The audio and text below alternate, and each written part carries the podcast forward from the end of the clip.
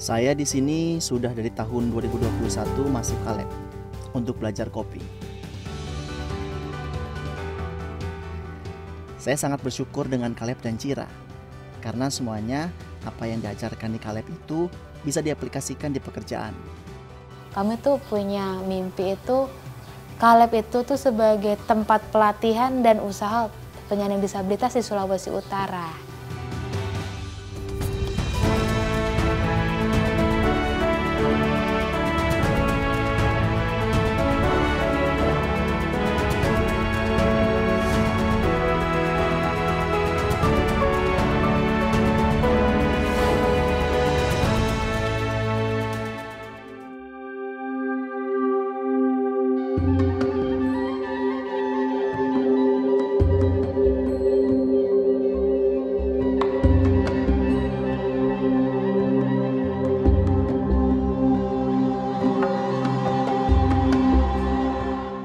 Tanah Minahasa menyimpan berbagai potensi keindahan alam yang memanjakan mata.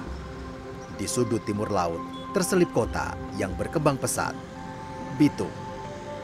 Kota yang wilayahnya berada di kaki Gunung Dua Saudara dan sebuah pulau bernama Lembeh juga dikenal sebagai kota pelabuhan karena pesatnya industri perikanan yang menjadi salah satu kekayaan bahari kota ini.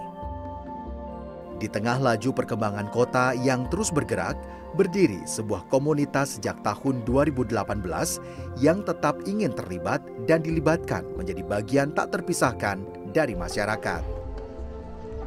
Kaleb atau Komunitas Tuli Peduli Bitung. Komunitas yang menaungi lebih dari 20 teman tuli turut pula bergerak di bidang pendidikan inklusif. Sentuhan hati Dona Krista Renata tergerak untuk memberdayakan teman-teman tunarungu agar mampu membentuk pribadi yang tangguh dan menumbuhkan kepercayaan diri menembus keterbatasan yang mereka miliki. Waktu itu kebetulan ada kegiatan itu World Clean Up Day itu itu bulan September tanggal 21 kami ingat. Itu kegiatan pertama kami itu bersihin sampah ya dari situ kan anak-anak itu terlihat kompak terus merasa mereka tuh senang gitu. Akhirnya kita tahu oh ternyata anak-anak ini suka dilibatkan di kegiatan sosial. Berkat kegigihan dan niat tulusnya komunitas tuli peduli Bitung yang ia inisiasi kini tumbuh berkembang dengan pendampingan penuh dari PT Pertamina. Seduhan kopi racikan Marco Irianto Lefteu menghangatkan suasana Q Cafe yang merupakan bagian dari program pemberdayaan komunitas tuli peduli Bitung. Di kafe ini, Marco mempelajari beberapa teknik sederhana untuk mahir menjadi peracik minuman kopi atau barista. Tangan terampilnya teliti menakar kopi, susu kental, hingga es ke dalam gelas takar sebelum diracik jadi sebuah minuman. Meracik kopi bukan perkara yang mudah, Komposisi bahan dan takaran yang terukur menjadi kunci untuk memberikan kualitas minuman kopi yang baik. Meski terlihat sederhana, peracik kopi atau barista juga dituntut untuk mengetahui cara kerja alat-alatnya seperti coffee grinder untuk menghaluskan biji kopi, temper untuk memadatkan kopi, serta timbangan kopi untuk menentukan berat racikan minuman kopi. Semua alat-alat yang tersedia ini mutlak diketahui untuk dipelajari sebagai seorang barista. Begitu pula dengan Marco. Pengalaman baru sebagai barista ini ia mulai dari tahun 2021 saat dirinya pertama kali bergabung di Kaleb. Saya mau berkegiatan. Diajak untuk belajar kopi, ya saya mau. Karena diajarkan banyak hal. Saya sudah di sini dari tahun 2021, masuk ke lab untuk belajar kopi. Tak ada yang menyangka, setelah melewati proses pembelajaran yang panjang, Marco mengetahui setiap komposisi paduan yang tepat kopi buatannya sehingga mampu memberi hasil positif kepuasan pengunjung.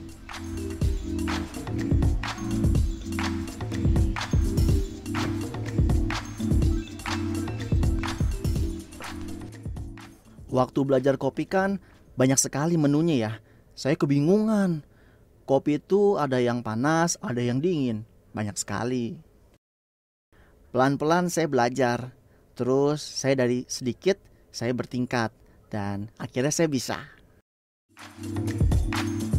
Bagi Marco, Caleb merupakan rumah keduanya. Tak hanya pengalaman baru, keluarga baru dan teman-teman komunitasnya mampu membangkitkan rasa percaya dirinya bahwa ia tidak sendirian menembus keterbatasan. Saya kan belajar. Kemudian papa mama saya senang dan memperbolehkan saya untuk bergabung dengan Caleb. Tidak apa-apa, kan karena belajar. Dan sekarang saya punya banyak teman tuli dan dengar banyak. Q Cafe adalah satu dari dua entitas yang dimiliki oleh Caleb sebagai sarana pembelajaran dengan tujuan untuk menumbuhkan semangat kewirausahaan. Hadirnya kafe ini turut menunjang program pemberdayaan yang lahir dari ide kawan-kawan Caleb sendiri.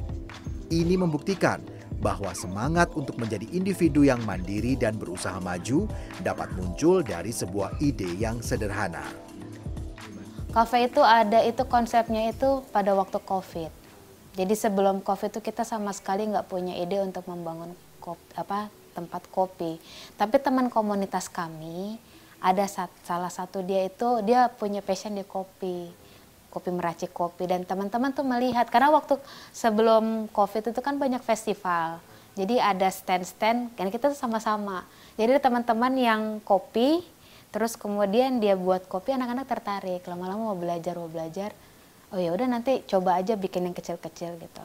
Tapi setelah covid kan memang ada memang pembatasannya. Jadi di sini juga berlaku tidak boleh pergi ke kerumunan semua gitu. Kita berpikiran kalau misalnya kita nggak boleh ke mana-mana kenapa nggak mereka aja yang datang? Begitu. Terus kemudian Pertamina waktu itu menawarkan mbak ada mau bikin apa? Begitu.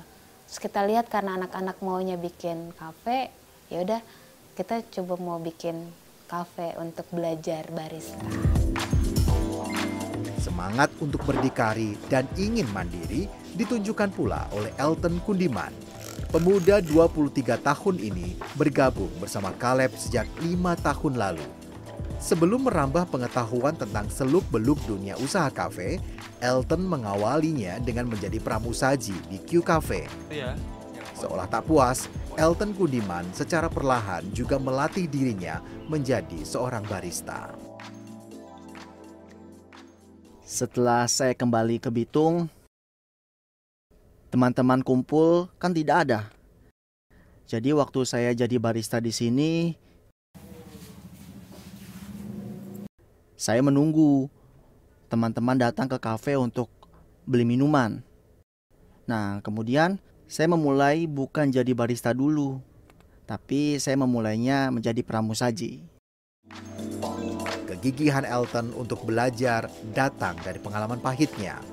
Pemuda lulusan sekolah menengah atas ini pernah 30 kali ditolak lamaran kerja lantaran dirinya dianggap berbeda karena keterbatasannya. Elton ini memang banyak sudah melamar melamar melamar. Dan terkadang kala memang saya juga orang tua sering Elton ingin berkomunikasi meminta bahwa bahwa ini lamarannya. Saya bilang Elton mama sibuk sekali. Terkadang kala dia juga menangis. Dia minta bantuan untuk DP saudara keponaan anak bersaudara yang bimbing dia sampai dia pernah kerja di kafe salah satu kafe yang paling besar di Armadidi. Padahal di situ juga dia tekuni sekali pekerjaan di situ. Cuma mungkin dia punya jam-jam kerja eh, mereka mempergunakan DP tenaga tidak secara baik. Ia tak berkecil hati. Dari penolakan-penolakan yang ia dapati, dirinya mampu bangkit dan membuktikan bahwa kerja keras serta semangat pantang menyerah menjadi kunci untuk meraih kesuksesan. Terbukti, kini Elton mampu menembus pasar dunia kerja dengan menjadi bagian dari sebuah perusahaan pembiayaan keuangan di Manado, Sulawesi Utara. Meski memiliki minat dan ketertarikan yang sama, sosok Marco dan Elton memiliki pribadi yang unik dari kacamata Dona Krista. Perbedaan keduanya merupakan sebuah kombinasi yang saling melengkapi serta memberi warna tersendiri. Di mata Cira, panggilan akrab Dona Krista, peran Pertamina untuk mewujudkan mimpi komunitas penyandang tunarungu di Bitung, Sulawesi Utara menjadi salah satu faktor kunci keberhasilan program pemberdayaan yang ia miliki. Kami tuh punya mimpi itu Kaleb itu tuh sebagai tempat pelatihan dan usaha penyandang disabilitas di Sulawesi Utara. Itu ya, kami mau itu jadi pusatnya di situ gitu. Dari sini kalau udah kuat, baru nanti kami akan menyebar ke seluruh Sulawesi Utara gitu. Ya memang kami yang kami butuhkan untuk pengembangan itu adalah manajemen. Pertamina Integrated Terminal Bitung yang berlokasi tak jauh dari rumah Kaleb turut aktif melakukan pendampingan atau asistensi dengan mendukung penuh agar pemberdayaan ini dapat berkembang menjadi lebih baik. Yang saat ini kita membangun soft skill untuk sebagai barista dan sebagainya dan alhamdulillah kami lihat perkembangannya cukup baik. Jadi banyak komunitas yang datang ke Kaleb dan juga bisa memberikan uh, manfaat baik dari segi sablon, kria dan uh, barista tadi gitu ya. Dan kita juga dapat manfaat nih dari mereka kalau kita mengadakan rapat atau kebutuhan konsumsi atau minuman uh, kopi itu kita bisa mengambil dari mereka sehingga imbal balik lah antara kita memberikan ke mereka dan juga kita membeli dan juga menghidupkan ekonomi mereka seperti itu. Sosok Marco dan Elton adalah bukti bahwa keterbatasan bukan menjadi halangan. Anak didiknya kini mampu menunjukkan bahwa dengan memberi mereka peluang dan wadah yang tepat, bukan tidak mungkin muncul pribadi-pribadi tangguh berdikari di tengah keterbatasan yang mereka miliki. Bahasa isyarat itu adalah bahasanya yang dimiliki oleh tunarungu dan tunawicara. Ternyata sama seperti bahasa daerah gitu. Tiap-tiap daerah itu ternyata isyaratnya juga berbeda. Saya sangat bersyukur dengan Kaleb dan Cira karena semuanya apa yang diajarkan itu di Kaleb itu bisa diaplikasikan di pekerjaan.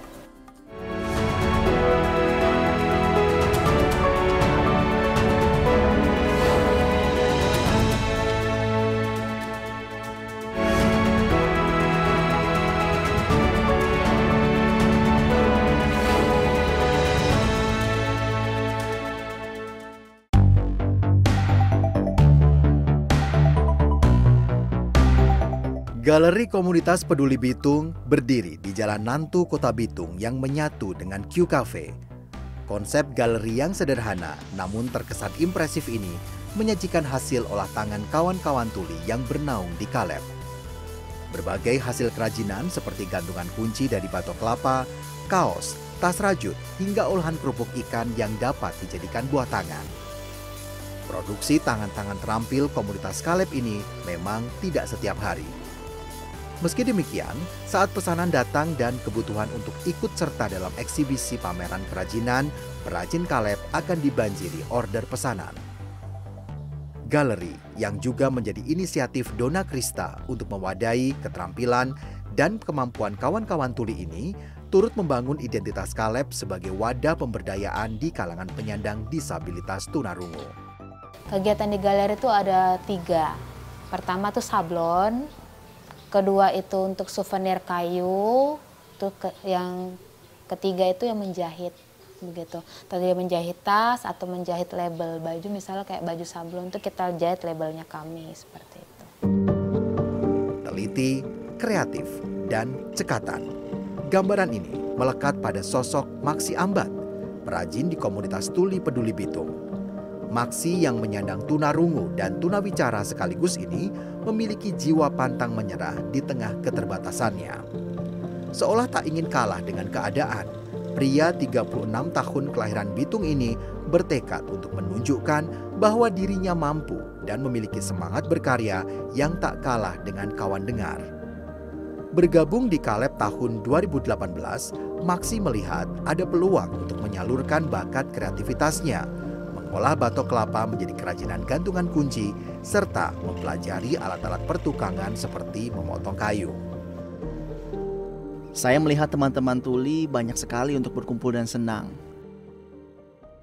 Di Kaleb, saya melihat banyak belajar. Saya ditolong oleh Cira untuk berlatih belajar membuat aksesoris bersama Aldo berdua bawah naungan Kaleb, Maksi dapat mengembangkan potensinya secara perlahan. Hasil dari kerja kerasnya untuk belajar membuahkan hasil dengan dimilikinya keterampilan sebagai pembuat perabotan dan pertukangan. Pengalaman ini membawanya menjadi lebih mandiri sehingga dapat berkiprah di sela-sela waktunya untuk membantu Kaleb. Saya sangat bersyukur dengan Kaleb dan Cira. Karena semuanya apa yang diajarkan di Kaleb itu bisa diaplikasikan di pekerjaan. Kaleb dengan kafe dan galerinya sudah menjadi mitra Pertamina Patra Niaga sejak tahun 2019 lalu. Melalui pendampingan yang intensif, Pertamina turut berkontribusi menyediakan beragam alat-alat kerja pertukangan seperti pemotong kayu, mesin jahit, hingga sablon baju karena memang Pertamina itu sangat berjasa ya buat kami ya. Jadi kayak memberikan alat-alat yang memang betul-betul kami butuhkan untuk belajar. Untuk ketika memang Pertamina memberikan masukan, uh, Cir, coba kalau misalnya alat-alat ini dikembangkan untuk modal usaha, begitu. Memang kan kami kan agak kebingungan sebenarnya bagaimana caranya begitu dan sempat takut juga apakah nanti ada yang mau beli atau enggak, gitu kan. Tapi ternyata ada yang beli. Jadi anak-anak itu hanya fokus untuk membuat. Workshop di Galeri Kaleb cukup lengkap. Selain bengkel pembuatan kerajinan, hadir pula ruangan khusus untuk menjahit baju dan alat-alat sablonnya. Di sini, Mary menjadi salah satu andalannya. Kemampuan dan keahliannya mengukur, memotong, hingga menjahit dimanfaatkan untuk membuat baju sampai tas kain. Berbeda dengan Maxi, Mary justru baru bergabung dan mengetahui bahwa ada komunitas tuli yang memberikan kesempatan untuk berkarya seperti Kaleb. Saya juga belajar menata rambut. Misalnya rebonding, itu harganya Rp100.000. Kalau panjang, itu harganya Rp125.000. Ada juga satu dua orang. Tidak apa-apa, yang penting ada. Melihat potensi yang terus berkembang, pihak Pertamina semakin intens mendukung upaya pemberdayaan dengan mendatangkan alat-alat yang dibutuhkan. Tak hanya itu, agar langkah baik yang dibangun selama ini tetap kontinu, pihak Pertamina juga melibatkan perajin galeri Kaleb turut serta berkontribusi meredam penyebaran COVID-19 melalui pembuatan masker. Kemudian di COVID 2021-2022 eh, kemarin kita juga memanfaatkan untuk meminta mereka melakukan uh, hard skill yaitu membuat masker dan itu kita juga berdayakan mereka dan akhirnya kita menyediakan ruangan untuk mereka berkomunitas, uh, berkomunitas gitu seperti itu sih. Keberhasilan program-program pemberdayaan tentu tak lepas dari kemampuan menyampaikan pesan melalui komunikasi yang efektif.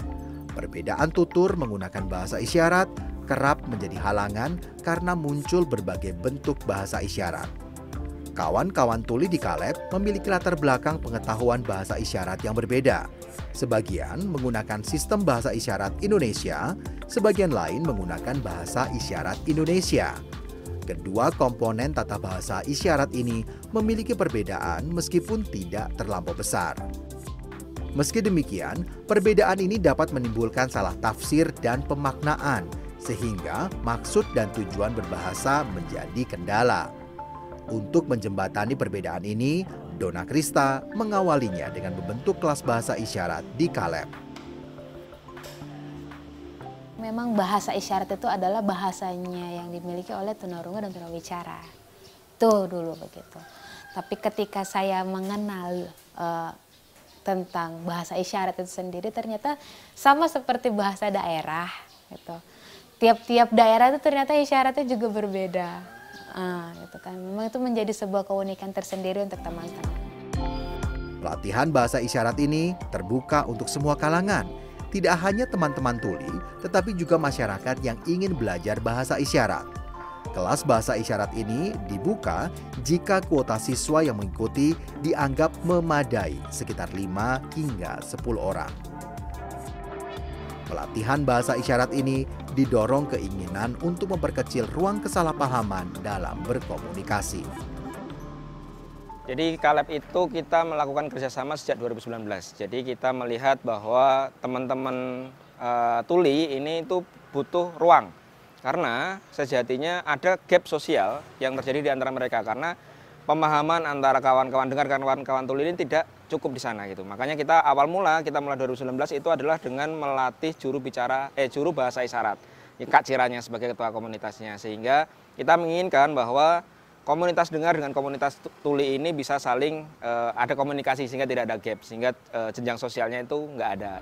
Kaleb itu tuh bisa menjadi harapan untuk teman-teman penyandang disabilitas. Makanya karena hal-hal seperti itu kita juga merasa memang Pertamina itu sangat mempercayai kami seperti itu. Dan kami juga ya berterima kasih kepada Pertamina karena selama ini Pertamina itu tidak pernah meninggalkan kami.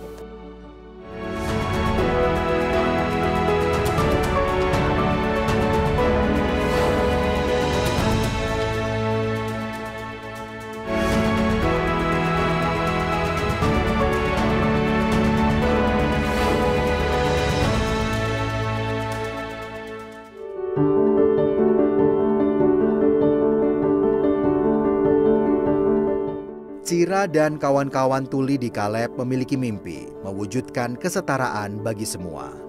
Misi Cira melalui Kaleb ingin membangun kesadaran semua pihak bahwa komunitas tuli perlu mendapat ruang untuk tumbuh dan berkembang.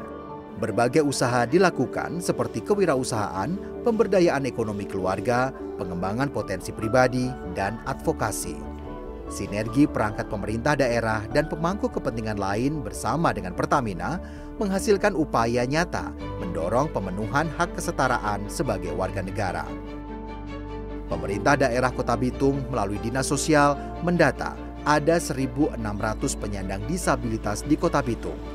Dukungan pemerintah daerah ini diwujudkan dalam banyak hal seperti pemenuhan akses keterampilan sampai dukungan finansial.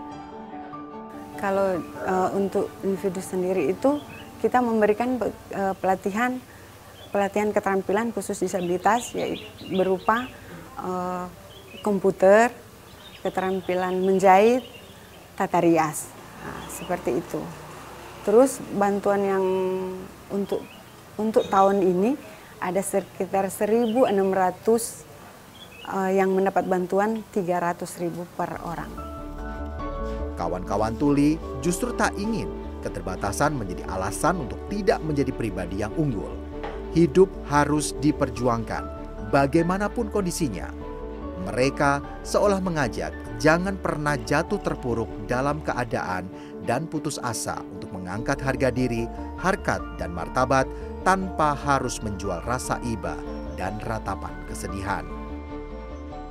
Ya, tagline kami adalah tahun kemarin adalah energizing uh, Energizing You. Kemudian saat tahun ini kita uh, menggunakan tagline yaitu Energizing Your Nation.